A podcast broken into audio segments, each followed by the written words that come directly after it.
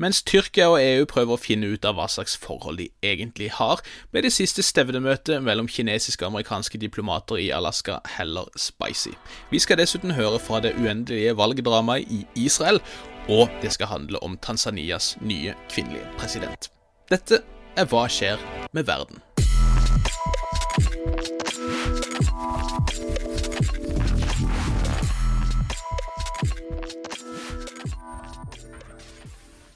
Hei og hjertelig velkommen til en ny episode av podkasten Hva skjer med verden? Denne podkasten for deg som er interessert i det som rører på seg innen internasjonal politikk og krig og fred og den smørja midt imellom. Mitt navn det er Bjørnar Østby, og med meg har jeg som vanlig min gode kollega og makker.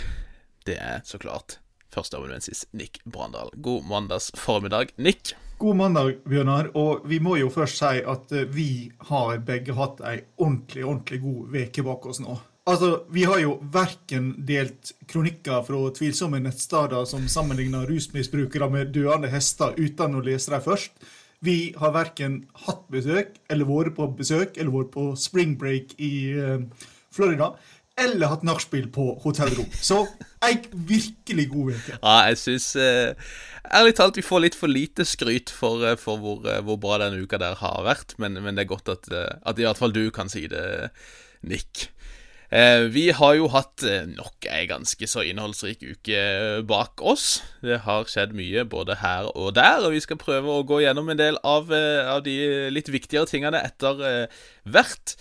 Men vi må jo som vanlig starte med noen av de eh, kanskje litt mer sånn eh, obskure, til dels mer absurde innslagene. Og, og vi har jo etablert dette for lengst, og, gjentatt det mange ganger, at, at uh, First Price Napoleon, Emmanuel Macron, han har jo en spesiell plass i våre hjerter, Nick. Og, og, og han har jo eh, dratt ut på nye, nye interessante ferder, holdt på å si. Han har nye planer, i hvert fall, om ikke annet. Eh, fortell litt hva, hva det er som skjer hos vår venn. Ja, eh 2021 er jo 200-årsmarkeringa for Napoleon, den ekte Napoleons død. 5. Eh, mai på Sankt Helena i 1821. Eh, Og eh, dette har Frankrike bestemt seg for at det må markeres. Det må, det må hmm. ikke bare markeres, det må feires. Dette, er jo mannen som ga dem moderne lovsystemet, det såkalte Code Napoleon, og, og moderne utdanningssystemet. Mm. Og da hopper vi jo eh, glatt over hva denne mannen ellers holdt på med i eh, de åra han satt som eh, tyrann i Frankrike. Ja, vi, vi, tar en liten historie timeout nå, Nick. Kan ikke du fortelle litt, bare som vi husker det, hva litt av de tingene denne mannen sto for, når alt kommer til alt? Ja. Altså, Napoleonskrigene er altså en av de blodigste angrepskrigene på det europeiske kontinentet gjennom tidene. Mm. Seks, mm. millioner døde i en 17 år lang krig. Eh, I, i samtida ble han vurdert omtrent slik vi vurderer Adolf Hitler i, i dag. Ja, ja. Han gjeninnførte slaveriet i det franske imperiet. Dette er det eneste landet i verdenshistorien som har avskaffa og så gjeninnført slaveri. Han, eh, under disse krigene så eh, institusjonaliserte han. altså han, han, gjorde det som en del av krigføringa og plyndre de erobre områder. Og franske museum har fortsatt gjenstander som da ble tatt fra mellom Europa og Øst-Europa under napoleonskrigene. Mm, mm. Og eh, hvis vi skal se på dette her eh, på, fra fransk side, så drev han altså da Frankrike til randa av konkurs og mista kontrollen over franske kolonier. Ja. Så er dette noe å feire? Nei. Neppe. Nei. Nei. Neppe, neppe, neppe. Altså, Mein hva du vil om cancel culture, men Napoleon La oss eh, nekte han ei scene. Ja, er ikke det. det Akkurat det tenker jeg må være greit. Eh, jeg merker meg jo at eh, altså når vi først er inne i litt sånn fransk politikk på, på godt og mye vondt, så, så, ser det jo ut som det begynner å, å vokse fram mer og mer litt sånn forakt av, av engelskmennene. Det er jo så klart en gammel stolt, stolt fransk tradisjon, det, så, så, det passer seg jo for så vidt det, gitt dette jubileet. Men eh, nylig så var jo ministeren for eh, europeiske forhold i Frankrike ute og foreslo at eh, nå etter brexit så må vi ta tilbake fransk som EUs lingua franca. Vekka, ikke sant. Og, og uh, Le Figaro, denne avisen, gikk jo for så vidt uh, i samme retning, men med en litt annen løsning, og foreslo å gjøre latin til det rådende språket i EU, i kontekst som om liksom ikke EU har nok problemer med snobberianklager fra før. så, så, så er det kanskje en løsning, da. Skal vi lytte til franske kommentatorer. Altså Her må jeg bare sitere en kjent linje fra komiserien 'Hotell i særklasse' med John Cleese. Det er en punchline i en vits der. Pretentious moi!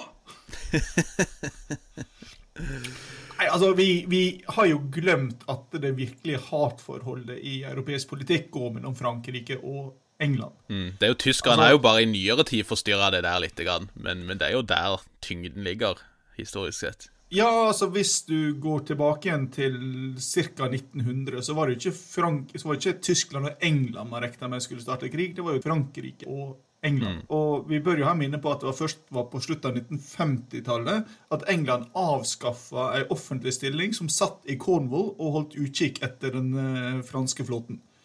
Mm, mm, mm. så dette her er en stolt tradisjon, og så får vi se om Macron greier å, å vekke også den til live på ny.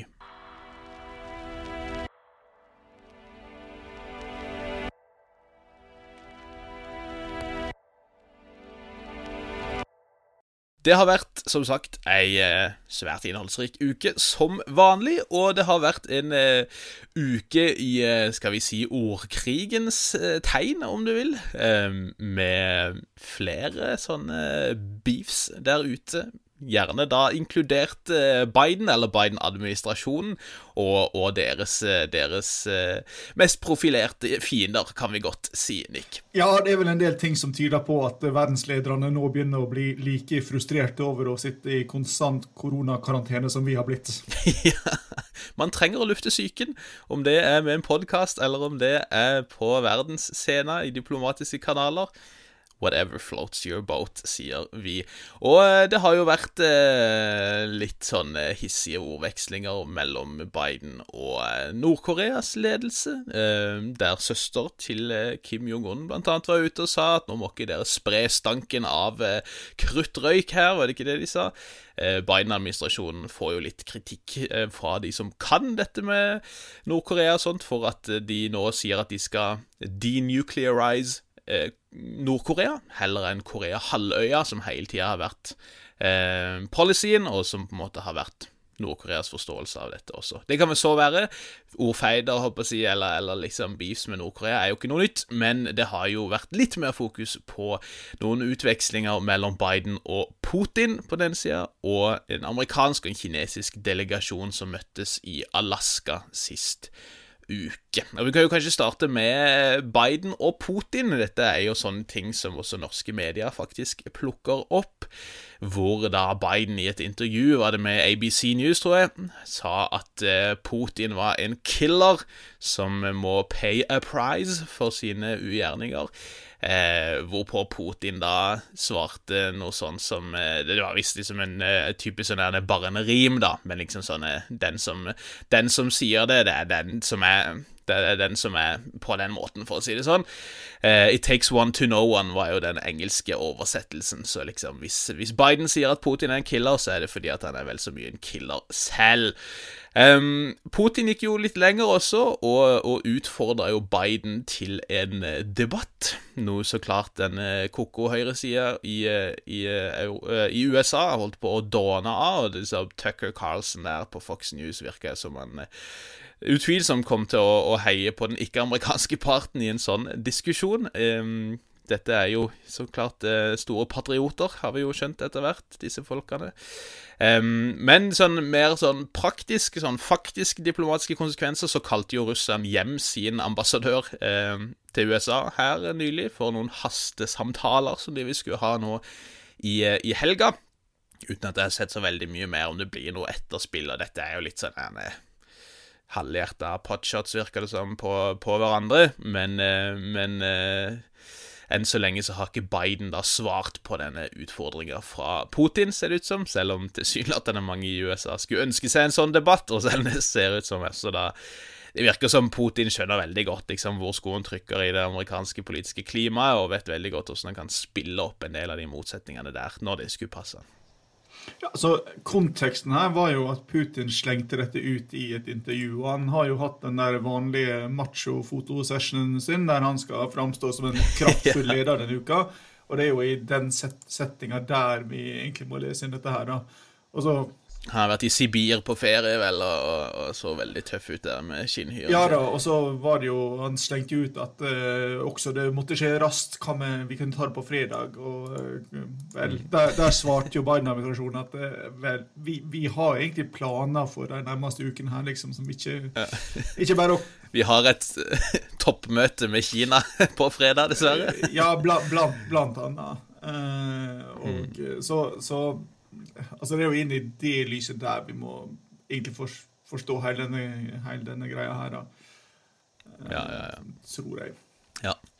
Eh, men, men, de hadde jo faktisk et toppmøte med en kinesisk delegasjon i Anchorage i Alaska nå på torsdag og fredag, var det vel. Eh, der blant annet da eh, USAs utenriksminister og eh, nasjonal sikkerhetsrådgiver var, var med.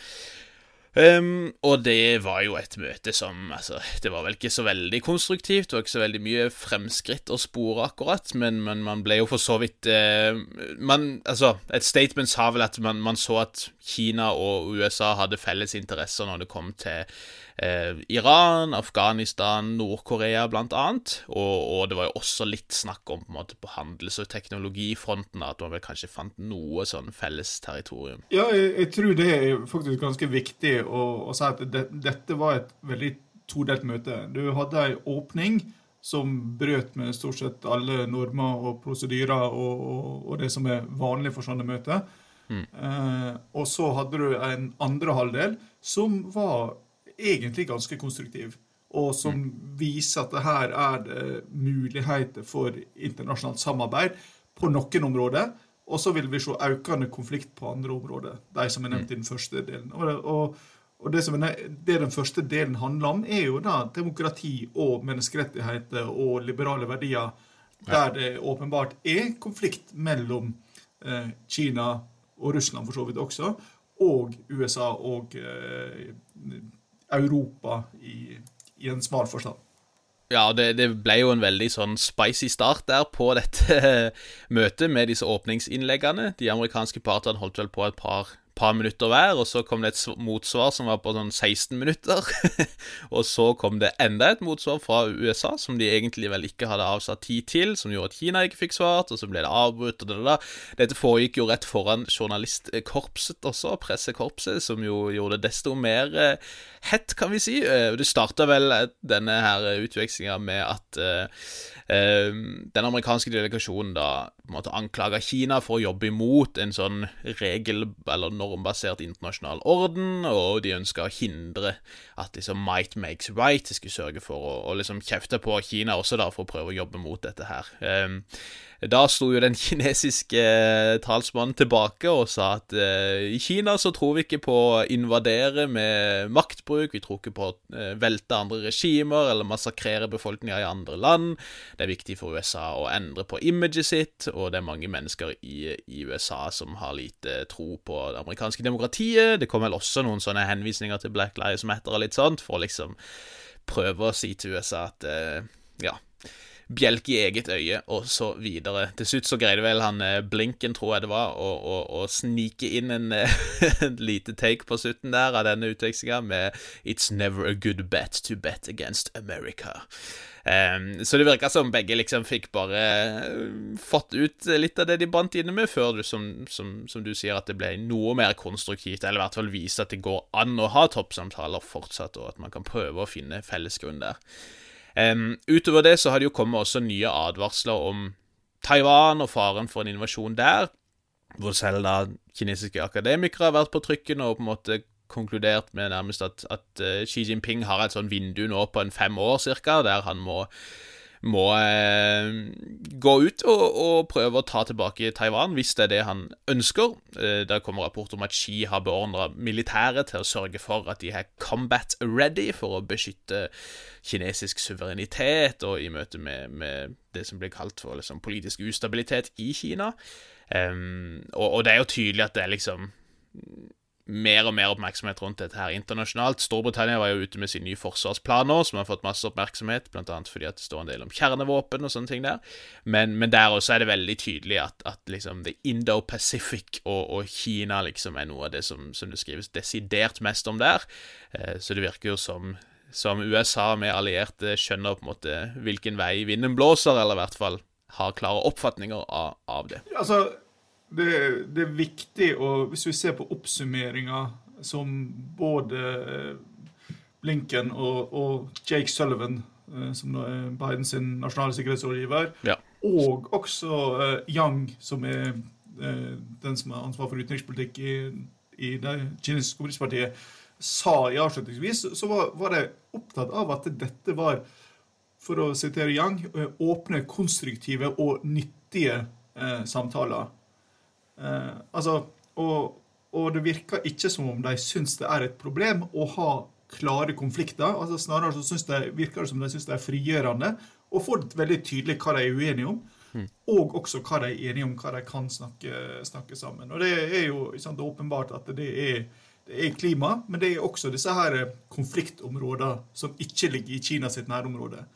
Og, mm, mm. og der vil det åpenbart være viktig å ha Kina på lag for å få ei, løsning, enten det nå er i Syria eller Libya eller diverse plasser i, i Afrika. Og, og, sånn sett så, så, var dette egentlig et ganske positivt møte.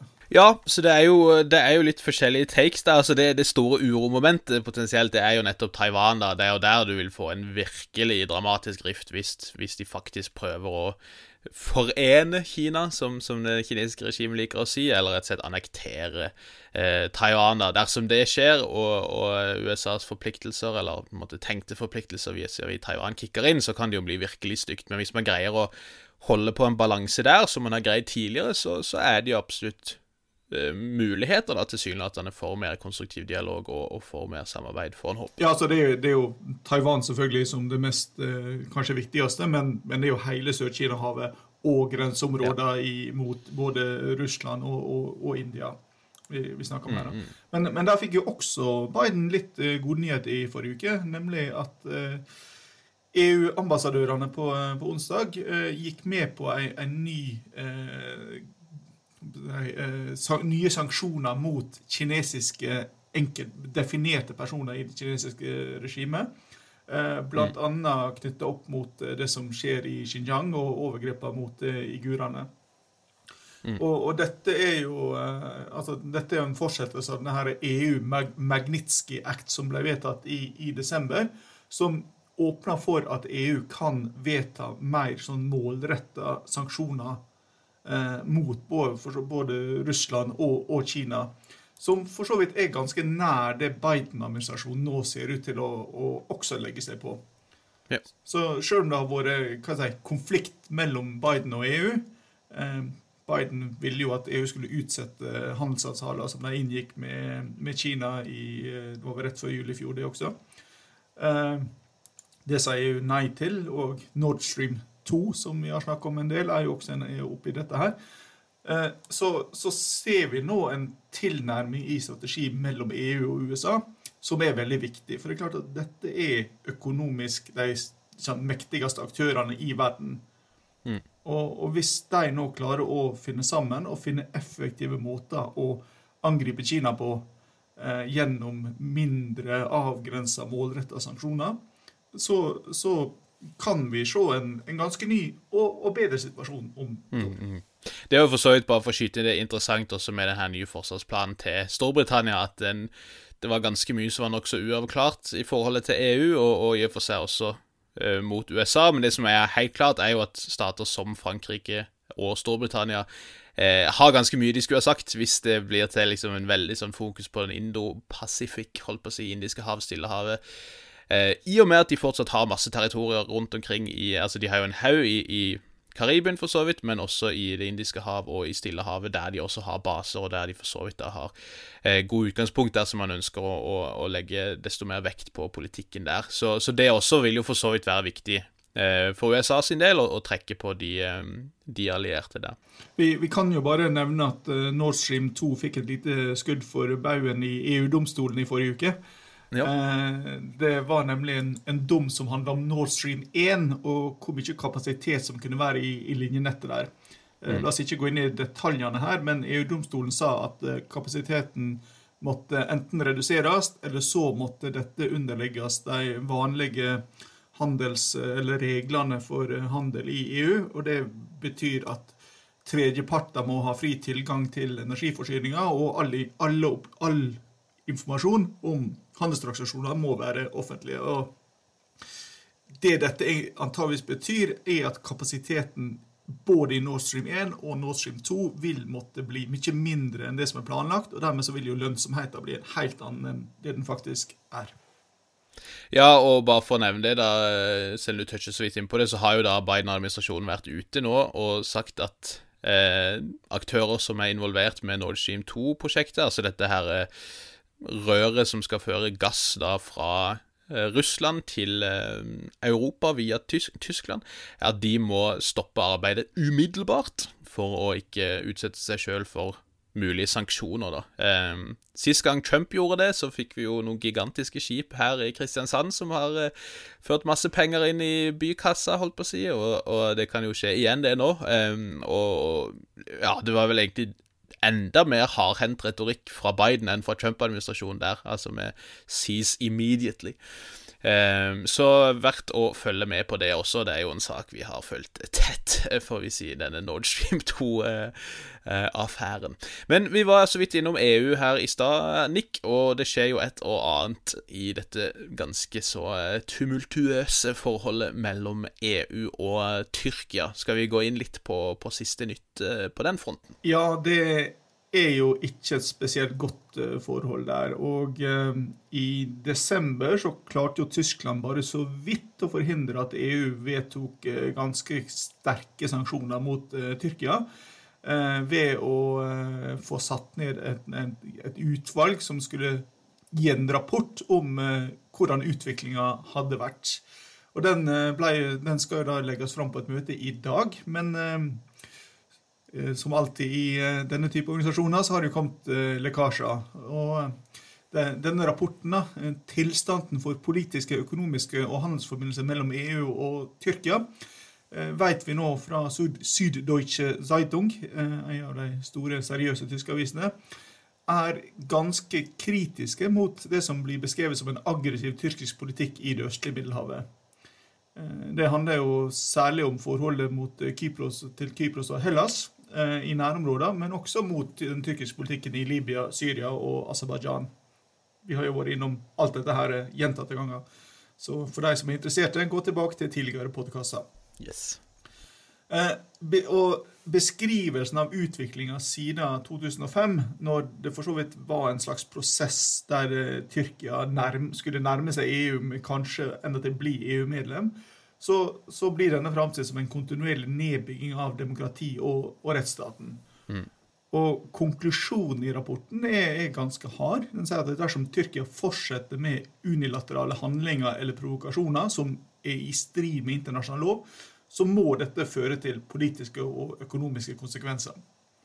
Og den er også da ganske konkret på hva slags konsekvenser vi da snakker om det er for det første eh, at sanksjonene mot eh, det tyrkiske energiselskapet TPAO, som driver og borer i det østlige Middelhavet, uten å helt ta hensyn til grenser og avtaler osv. Så sånn, at de sanksjonene som ble vedtatt, men ikke helt gjennomført i desember 2020, skal bli innført.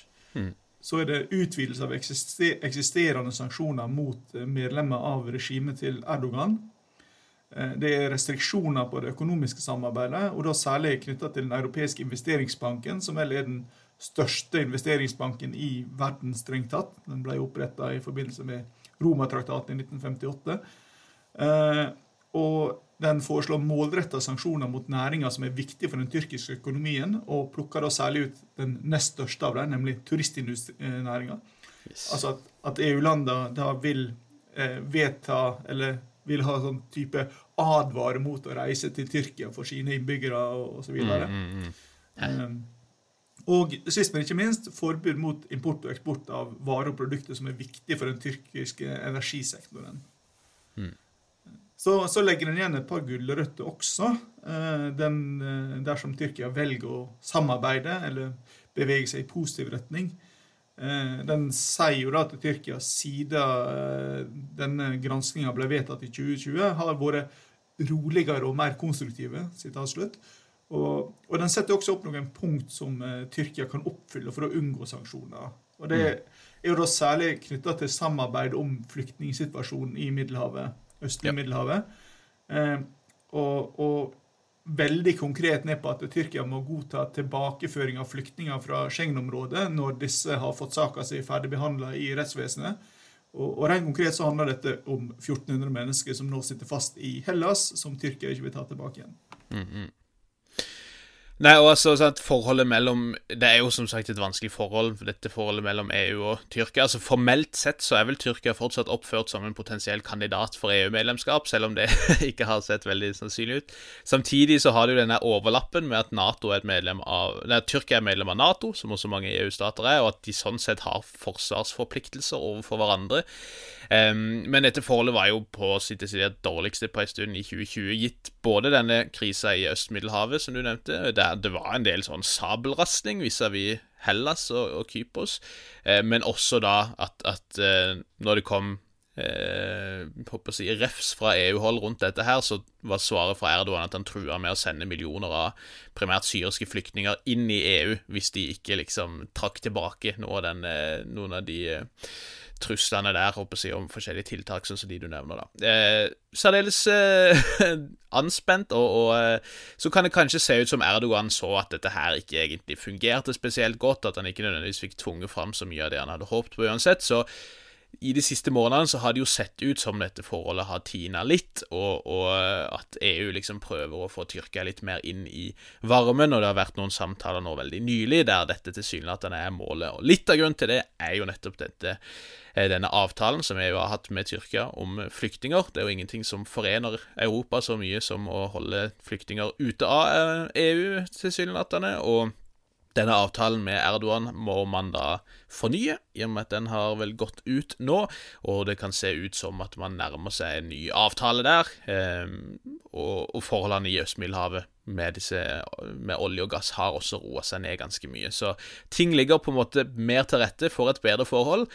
Og da eh, må jo så klart Erdogan gjøre noe for å sørge for at det blir litt vanskelig likevel. For nå er det jo da to nye utviklinger eh, som er særdeles uheldige, får vi si, i, i Tyrkia, og som vitner om denne dypt autoritære tørn som har vært eh, etter Erdogan ble gjenvalgt i 2018, og, og landet har gått fra å være et parlamentarisk demokrati til å mer eller mindre bli et uh, land der presidenten kan styre med sine executive orders og basically operere som en diktator. Og det er spesielt to ting som har skjedd. Uh, det siste er jo at Erdogan har trukket Tyrkia ut av den såkalte Istanbul-konvensjonen, som eh, formelt heter Europarådets konvensjon om forebygging og bekjempelse av vold mot kvinner og vold i nære relasjoner. Tyrkia har vært altså ratifiserte denne konvensjonen i 2011. Norge gjorde det vel så sent som i 2017, men det er altså da en konvensjon som jo også navnet antyder, tar sikte på å både forhindre vold mot kvinner spesielt, men også på å rettsforfølge de som si, er skyld, skyld, i det, eh, og prøve å utrydde den form for vold mot kvinner generelt, men spesielt i nære relasjoner, i tillegg til at den også legger vekt på å arbeide for likestilling. Eh, I Tyrkia så er jo situasjonen sånn at vold mot kvinner har økt ganske dramatisk i senere år. Allerede til nå i år så har det vært meldt at så som 77 kvinner har blitt drept, og det var over 400 i fjor totalt. Og likevel så skal man da ut av denne konvensjonen eh, når dette problemet tilsynelatende er større enn det har vært på lenge.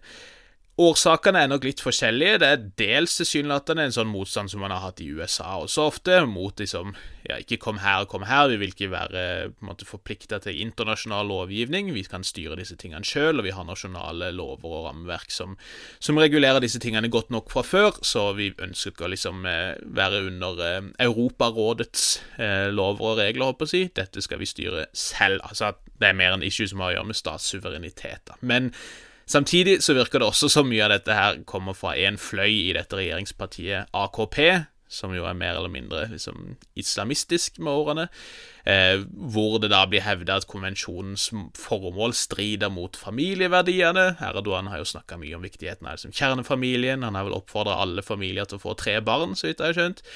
Eh, og så har man så klart igjen litt sånn bøsere elementene her også, hvor man liksom går så langt som å si at eh, jo, men denne konvensjonen promoterer homoseksualitet fordi den bruker eh, begreper som gender og gender identity og lignende, da. Det er liksom statement som kommer fra deler av AKP. Eh, det står jo særdeles dårlig til med LHBT-rettigheter i utgangspunktet i Tyrkia, og Erdogan har vel gått så langt som å si at det finnes ikke homofile i Tyrkia i det hele tatt, og dette gjør jo definitivt ikke saken bedre for deres rettigheter, får vi si. Dette har jo så klart resultert i masse kritikk fra nettopp EU, og fra Europarådet, og fra USA. Og for å gjøre dette enda vanskeligere i lys av disse herne forsøkene på å tine opp dette forholdet, så skjedde jo dette her bare to dager etter at man nå forsøker å få eh, forbydd dette kurdiske partiet HDP, altså det blir klaga eh, til grunnlovsdomstolen, som man da håper vil forby dette kurdiske partiet. Det er jo da det tredje største partiet i landet, det tredje største i parlamentet, men blir anklaga for å være et sånn terrorparti da, grunn av påståtte linker til PKK, denne kurdiske opprørsgruppa. Um, så det er liksom ganske kinkig for EU, dette her. sant? Man får, får, liksom litt, og man ser som man får med Tyrkia på laget, og så samtidig så får man to eksempler på ganske åpenbart liksom autoritære eh, tendenser som, som eh, tiltar i dette landet. Så, så det er en kinkig situasjon, rett og slett. Og, og, det blir jo spennende å se, da. Var det tirsdag du sa denne rapporten skal publiseres? Nei, det er faktisk i dag. Det er faktisk i dag mandag, ikke sant. Det er typisk. Så vi får se hva Dere får bare følge med og se på etterspillet av dette her. Men, men det kan, kan, bli ganske eh, komplisert, dette her. Vi kan jo eh, bevege oss en kort liten tur innom Syria. Vi snakka jo om Syria sist uke, og om dette ganske tragiske tiårsjubileet. Og som vi sa da, så er jo denne konflikten langt fra over. Og nå fikk vi jo sist uke nok et innslag av noe som har vært veldig typisk for denne konflikten, nemlig et nytt angrep mot et eh, sykehus. Og som så ofte så er det da regjeringsstyrker som står bak dette her. Det skal snakke om et artilleriangrep mot et sykehus i Vest-Aleppo, i et område som da styres av opprørere. Litt uklart hva tapstallene er, men det har vært meldt om fire eller fem sivile i dette tilfellet her. dette problemet er jo ekstremt omfattende, og, en gruppe som heter Physicians for Human Rights har jo dokumentert minst 598 angrep mot helsefasiliteter, eh, mot 350 helsefasiliteter, så flere av de har blitt angrepet gjentatte ganger. Um, og de anslår at 930 helsepersonell skal ha mista livet i løpet av krigen til nå. De aller fleste angrepene har regimet, og spesielt det russiske luftvåpenet, stått for. Og det er jo også en av disse her leietrendene som, som vi har sett mye av i den syriske borgerkrigen. Det at det er en sånn grunnleggende mangel på respekt for uh, humanitærretten, rett og slett.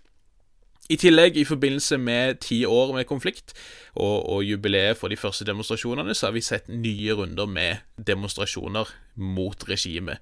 Eh, både i Dara i sør, der disse demonstrasjonene starta, i et område som er kontrollert av russerne, eh, men også i en rekke andre områder, både områder kontrollert av regimet, av opprørere, av kurdere og av Tyrkia. Så eh, ganske mange forskjellige områder så har ekstremt modige syrere da gått ut og, og nok en gang demonstrert mot regimet. Og, og, i Daras i tilfelle, i sør, så har man jo formelt egentlig avslø... Eh, jeg håper, si, eh, avslutta dette opprøret. Disse opprørerne har blitt forsonet, såkalt, med regimet, selv om vi vet at mange av de har blitt fengsla og torturert etterpå. Men, men det at disse tingene skjer i områder der regimet egentlig skal ha full kontroll, det vitner jo nettopp om at ingen av de underliggende årsakene til konflikten egentlig har løst. Mye av det har bare blitt desto verre. I tillegg så har vi hatt det første tyrkiske luftangrepet på halvannet år ca., rett over grensa inn i disse kurdiske eh, områdene som eh, Tyrkia rykka inn i i høsten 2019. Så Syriakrigen den er dessverre langt fra over, og vi har også sett nye russiske luftangrep for den saks skyld i uka som var nå, over ti år etter det hele starta. Vi kan ta en liten eh, tur til Mosambik også, bare nå som vi er inne på ting vi snakka om sist uke. Vi nevnte jo at to opprørsgrupper, en i Kongo og en i Mosambik, begge jihadister, har blitt terrorlista av eh, Biden-administrasjonen. Og nå kommer allerede noen av de som første konkrete tiltakene fra amerikansk hold her, nemlig at eh, USA sender militært personell til Mosambik, som skal være der i to måneder for å trene opp de nasjonale styrkene der til kampen mot jihadistene som opererer helt nord i Mosambik, på grensa til Tanzania. Disse jihadistene kalles jo vekselvis eh Al-Sunna og Al-Jamar, Al-Shabaab eller Den islamske stats Sentral-Afrika-provins. Du kan kalle dem hva du vil, men, men det er en svært brutal opprørsgruppe som har tatt livet av flere tusen sivile til nå. Um, og som både de lokale myndighetene og forskjellige private sikkerhetsselskaper har prøvd å kontre uten videre hell. Så nå skal USA da prøve å trene opp styrkene uh, og fokusere, ifølge et statement da fra Pentagon, på beskyttelsen av sivile, respekt for uh, menneskerettigheter og samarbeid med sivilsamfunnet. Dette kommer jo også i en kontekst hvor uh, Amnesty bl.a. har dokumentert masse grove forbrytelser mot sivile fra både regjeringsstyrker og fra et privat eh, sørafrikansk militærselskap som har kjempa på vegne av myndighetene. Man kan jo for så vidt spørre seg hvor mye USA egentlig kan lære bort. Det er vel få som har hatt så dårlig erfaring med å slå ned nettopp opprørsgrupper som, som det USA har. Um, de har jo prøvd lignende løsninger sånn som dette her under Obama-administrasjonen. Da sendte man en liten kontingent til Niger for å prøve å trene opp styrker der. Det har ikke vært noe særlig suksesshistorie. Det var jo flere amerikanske soldater som ble drept i et bakholdsangrep, som noen kanskje husker, i Niger, og, og det er fortsatt jevnlig angrep. Senest sist uke ble jo 58 sivile drept i et par angrep eh, på grensa til Mali, dessverre. Eh, og det ser ut som selv det amerikanske forsvarsdepartementet skjønner at liksom, den policyen for å kontre jihadister i Afrika har funka svært dårlig. Eh, Africa Center for Strategic Studies, som er et forskningsinstitutt under Forsvarsdepartementet i USA, de rapporterte jo en økning i jihadistangrep i Afrika på 43% i 2020 alene, og, og foreslo jo litt sånn høflig at vi kanskje må revurdere litt hvordan vi, vi går fram. Eh, vi snakka så vidt sist også om eh, eh, farene, eller altså sånn De potensielle eh, konsekvensene av å terrorliste sånne opprørsgrupper, at man kan på en måte gjør vel så mye vondt som godt ved å gjøre noe sånt. Og litt av problemet som vi var så vidt inne på, det er jo at du risikerer å gjøre litt av PR-jobben for IS. Og i dette tilfellet, når du faktisk sender amerikanske styrker til Mosambik, så, så eh, er jo det på mange måter med på å globalisere konflikten, eller i hvert fall gå inn i IS sitt narrativ da, om at dette her er ikke en lokal konflikt, selv om en analytiker gjerne vil si at det er det. Dette er en konflikt som handler om å kontre USA og andre korsfarere der de måtte være. Og, og Denne konflikten foregår i et område som er veldig rikt på olje og naturgass, så det vil ikke være veldig vanskelig for IS å spinne dette narrativet om at her ser vi nok en gang IS, eh, USA kommer for å stjele ressursene deres, de bryr seg ikke om sivile, vi er de eneste dere kan eh, kan se til. Og USA har jo litt historie med å gjøre jihadister til superstjerner. Mannen som på mange måter eh, oppretta IS, eller IS' forløper, eh, Al Qaida i Irak, en jordaner som het eh, Abu Musab al-Zarqawi. Han var en helt ukjent fyr, egentlig, frem til Colin Powell sto for FN og, og skulle forklare linken mellom Irak, altså Saddam-regimet, og Al Qaida i Irak, ved å da nevne denne fyren som egentlig ingen hadde hørt om som en årsak for at liksom, USA må gå inn eh, i Irak. Dette er en del av krigen mot terror. Vi må bryte dette båndet mellom Al Qaida og Irak osv. Over natta så ble jo han her fyren til en global superstjerne, og det er jo litt av det man risikerer også når man, når man går ut med dusører på alle disse obskure lederne i Mosambik og Kongo.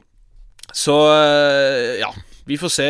Det er jo bra at man ønsker å legge mer fokus på respekt for humanitærretten. At man skal trene opp styrker til å tenke på det perspektivet. Utover det så vil jeg ikke forvente noe sånn stor suksess med det første.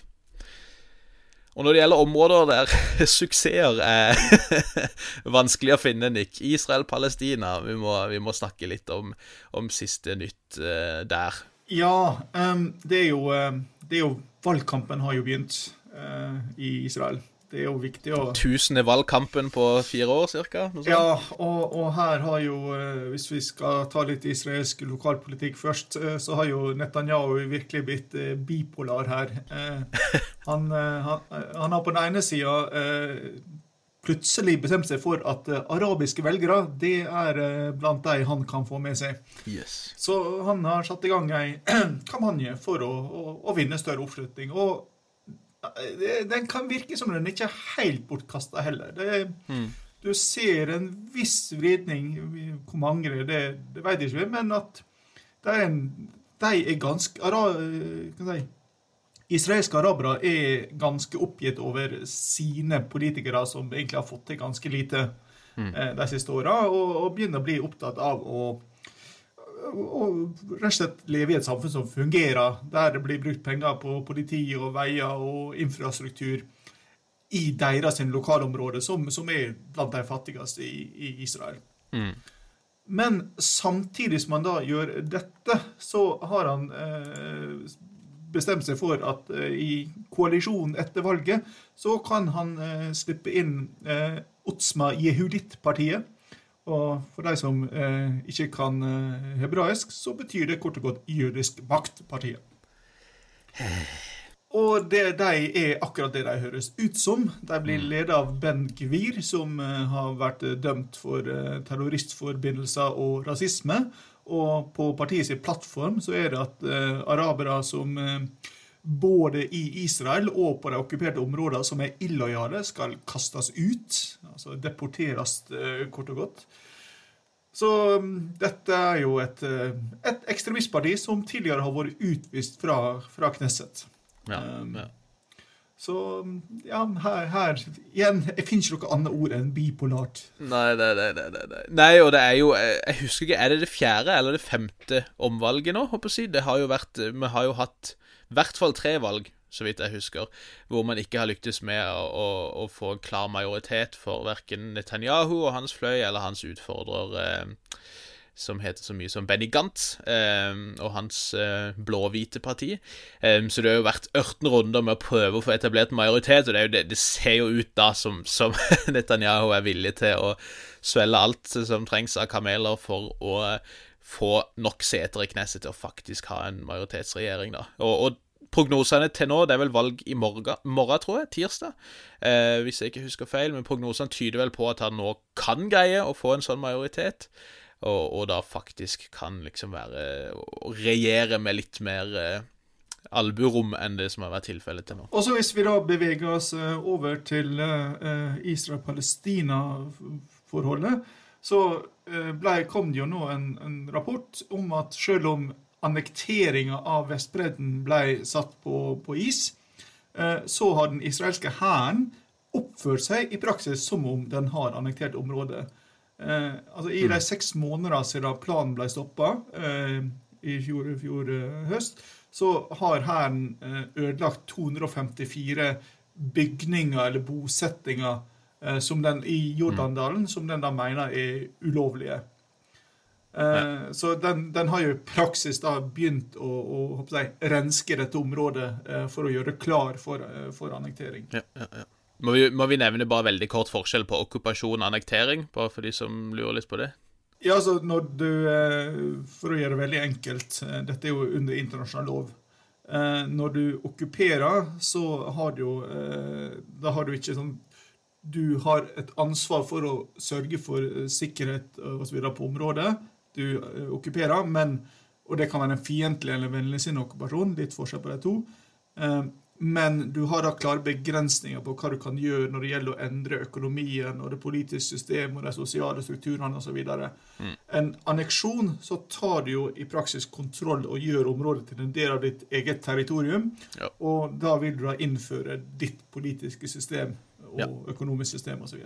Og Problemet med Vestbredden da er jo at det har store deler av Vestbredden har vært under israelsk kontroll fordi det er militært okkupert. men man, er, man, har da som palestiner der ikke rettighetene man ville hatt ved å bo under israelsk kontroll i Israel, Israel proper, da, på en måte, så du lever i en slags juridisk limbo, på en måte. Um, og det er jo det som også er ulovlig uh, etter internasjonal lov med disse bosetningene, at du har ikke lov til å flytte egen befolkning inn på okkupert territorium. Da må det i så fall liksom annekteres, da, sånn at uh, de samme rettighetene gjelder på dette territoriet som på ditt eget proper territorium. Ja, og dette er jo kanskje den beste kritikken mot uh, Israel sin, sin, politikk.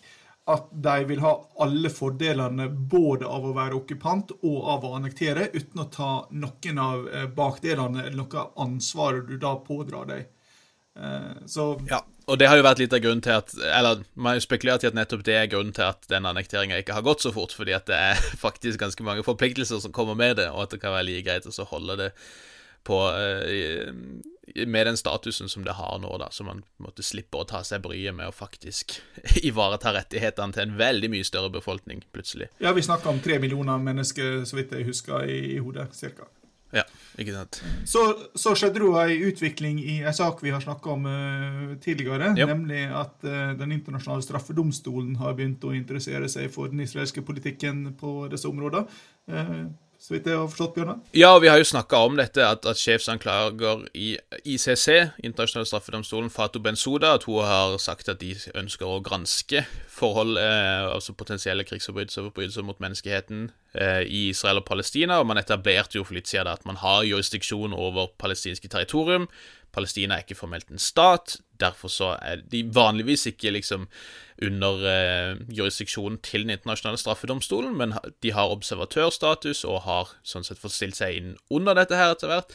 Og, og eh, straffedomstolen var jo da ute for ikke så lenge siden og sa at de har lov til å ta saker i eh, både Israel og i Palestina. Og så har jo da ICC vært ute nå, etter rapporter fra israelsk presse i hvert fall, og informert både palestinske og israelske myndigheter om at uh, denne saken, holdt på å si, eller denne granskninga, at den kommer til å begynne nå, og at de har en måned på seg til å da søke om å på en måte overføre den granskninga til nasjonale institusjoner. da. Så det høres ut som de i teorien, så vidt jeg har forstått, i hvert fall, si, at Israel kan si at OK, vi skal gå gjennom alt av disse her sakene selv.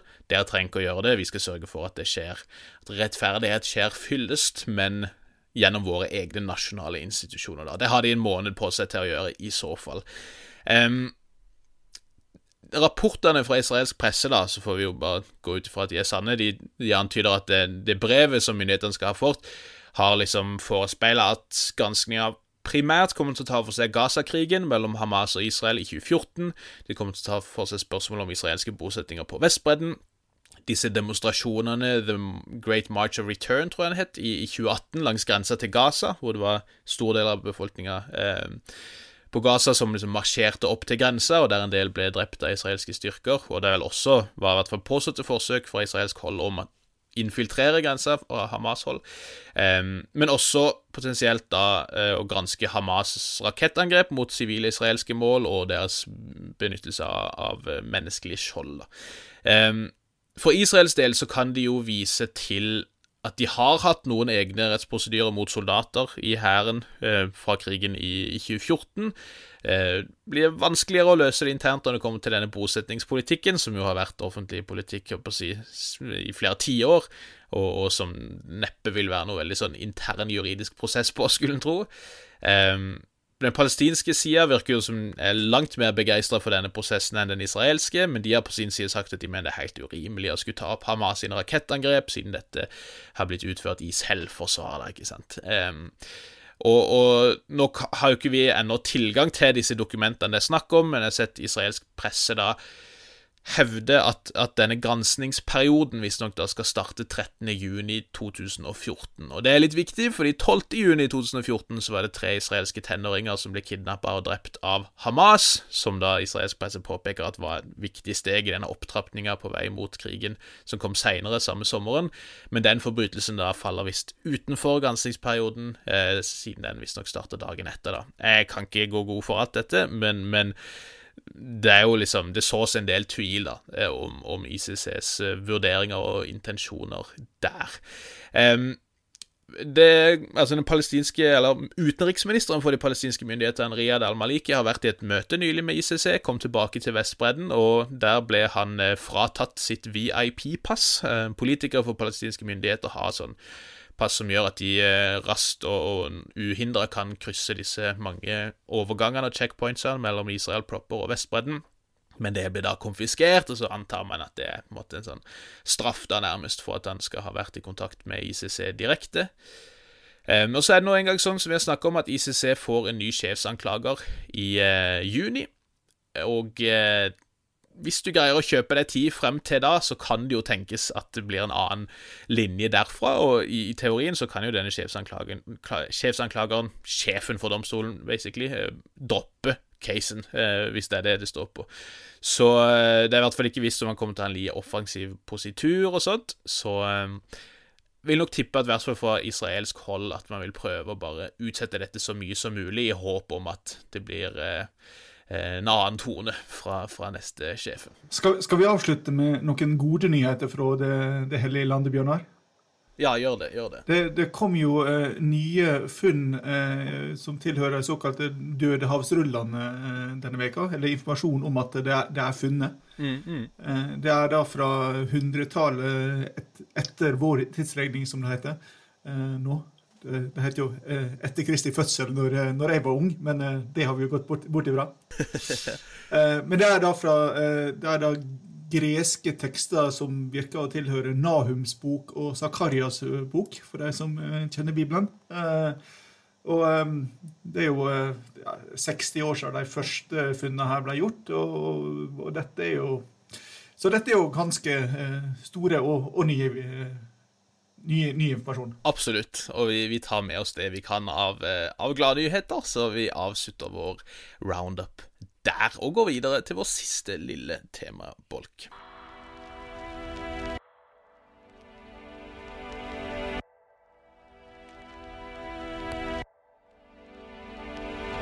Jeg hadde egentlig tenkt å sette det på kjøreplanen sist uke, nemlig dette mysteriet i Tanzania, hvor president John Pombe Magofoli rett og slett var borte vekk fra det offentlige lys, og der det var spørsmål om hva i alle dager som skjer. Hvor er han? Er han syk? Er han dødssyk? Hva er det som foregår for noe? Det var teorier om at han lå på et sykehus i India eller i Kenya, og at han var døden nær.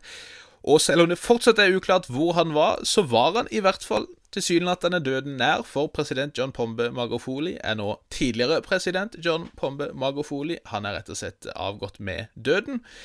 Offisielt sett av hjerteproblemer, selv om det har vært masse rykter og spekulasjon rundt at han antageligvis da har vært smitta av covid-19, og at det er det som var hans eh, endelige håper jeg, dødsårsak. Eh, som sagt så forsvant han fra offentligheten i, eh, for ca. tre uker siden, og, og, det har vært som sagt masse spekulasjoner rundt hvor han har vært. Altså Noen av de siste rapportene nå tyder vel på at han har vært i Nairobi i Kenya, men at han ble flydd hjem når liksom det var tydelig at livet ikke sto til å redde. Det vet jeg rett og slett ikke, og det er vel strengt tatt ikke så veldig viktig uansett.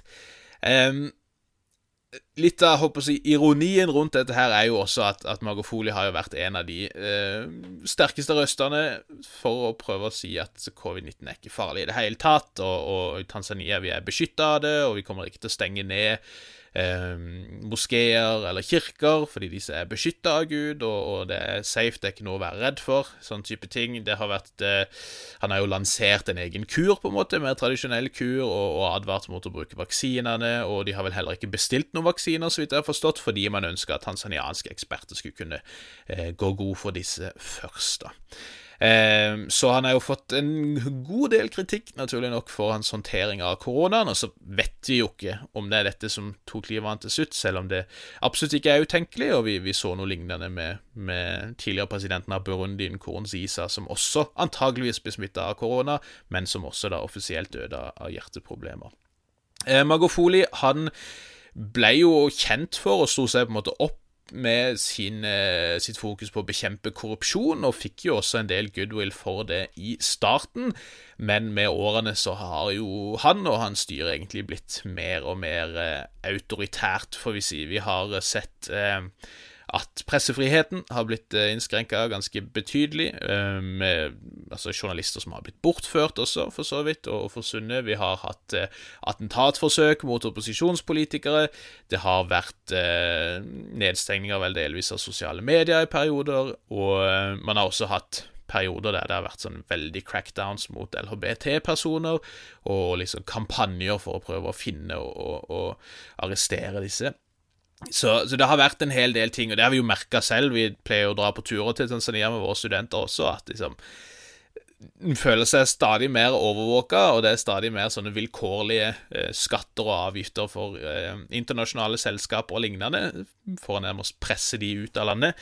Så det har vært en i det hele tatt ganske lei utvikling, og så er det jo da desto mer interessant å se hvor landet vil gå nå.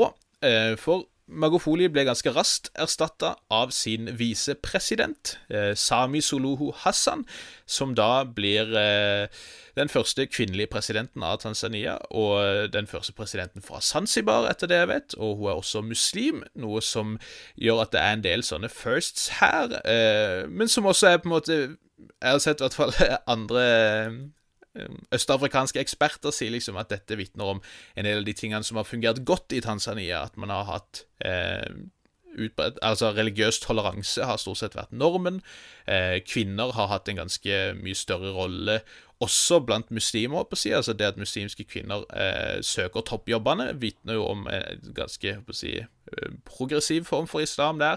Eh, og at det er en hel del ting her, eh, også den ganske fredelige maktovertagelsen til nå, i hvert fall, som, som viser at det er en del ting som foreløpig i hvert fall fungerer bedre i Tanzania enn i land som Kenya og, og andre naboer. Det, det, har jo vært spekulert seg også i at uh, hun nettopp med denne bakgrunnen kan, kan bli en sånn forsonende uh, figur i, i en nokså tilspissa situasjon. Hun har, har jo bl.a. Uh, hatt et bedre forhold til opposisjonen enn presidenten har hatt. Mm, mm. Det var jo en episode i 2017 når opposisjonslederen eh, Tundu Lissu ble utsatt for et attentat. Så var jo hun eneste fra regjeringspartiet som besøkte ham på, på sykehuset, f.eks.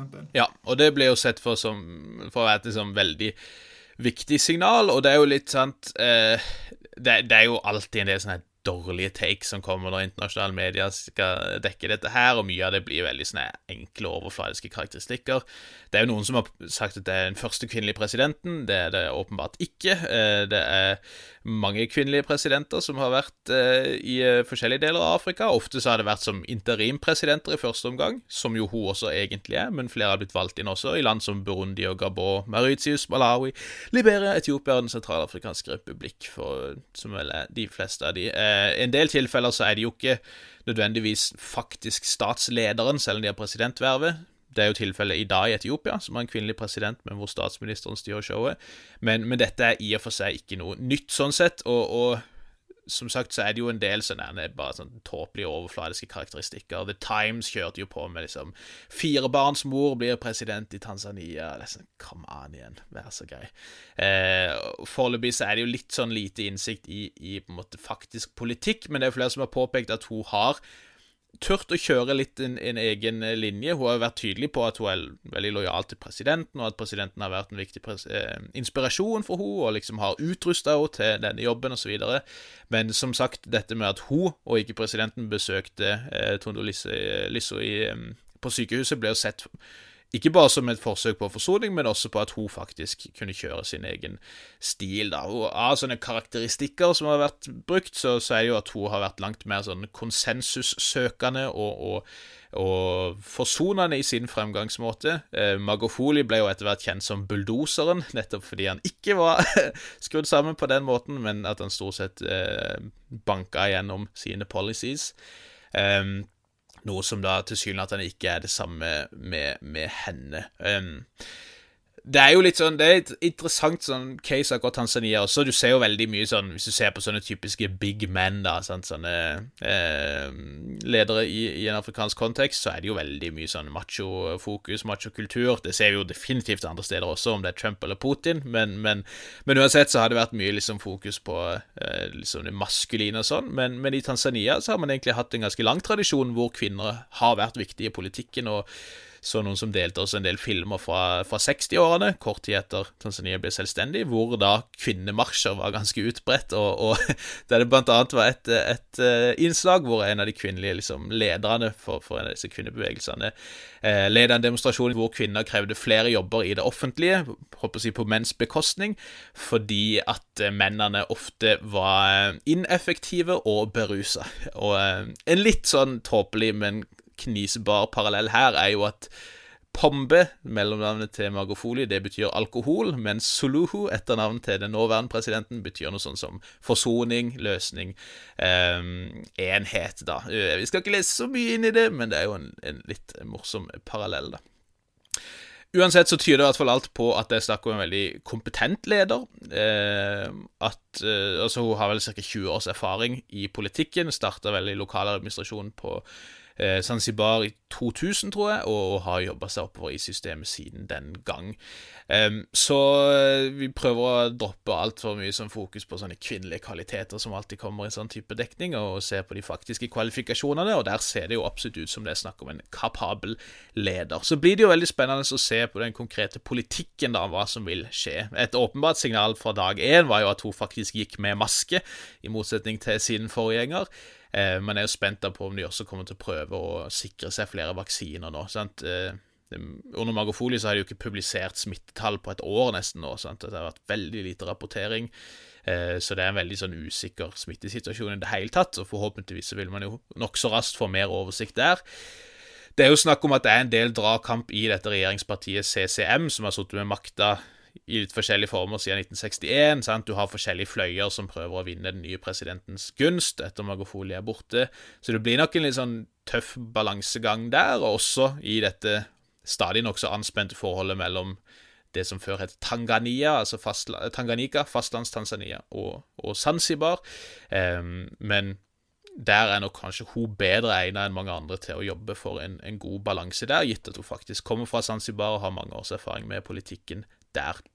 Det er jo også utfordringer i sør, på grensa med Mosambik, hvor dette væpna opprøret i Mosambik pågår for fullt, og hvor det også har vært angrep inn i Tanzania. og det er noen sånn litt interessante paralleller eh, mellom eh, Tanzania og et land som Tunisia, som gjerne har fått mye positiv pressedekning om at liksom, ja, man fant ut av ting, og det har fungert godt etter den arabiske våren. Og så ser du samtidig at eh, Tunisia er en av de største eksportørene av fremmedkrigere til Syria og Irak og andre steder. Og også med Tanzania så ser vi at mange av jihadistene som kjemper i Kongo og Mosambik, som vi snakka om før, de kommer fra nettopp Tanzania. Det har vært en ganske stor rekrutteringsdrive der. Det er flere av lederne i disse organisasjonene som kommer fra Tanzania.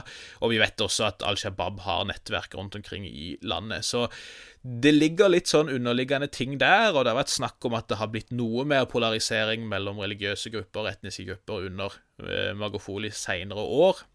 Um, så, så, det vil ikke være en lett jobb, men, men, det høres jo ut som det er en kvinne som kan være skikka for jobben. Og sånn som grunnloven er, så skal jo hun da egentlig sitte resten av perioden til Magofoli, og kom jo inn som hans visepresident i 2015. De vant valget på nytt i 2020, eh, og skal jo da egentlig sitte frem til 2025, vel. Så, eh, så hun kommer til Sami Sulu Hassan, altså. Kommer til å styre showet, etter planen i hvert fall, i flere år nå. Og det vil bli veldig spennende å følge med på, på hvordan det går eh, i tiden som kommer.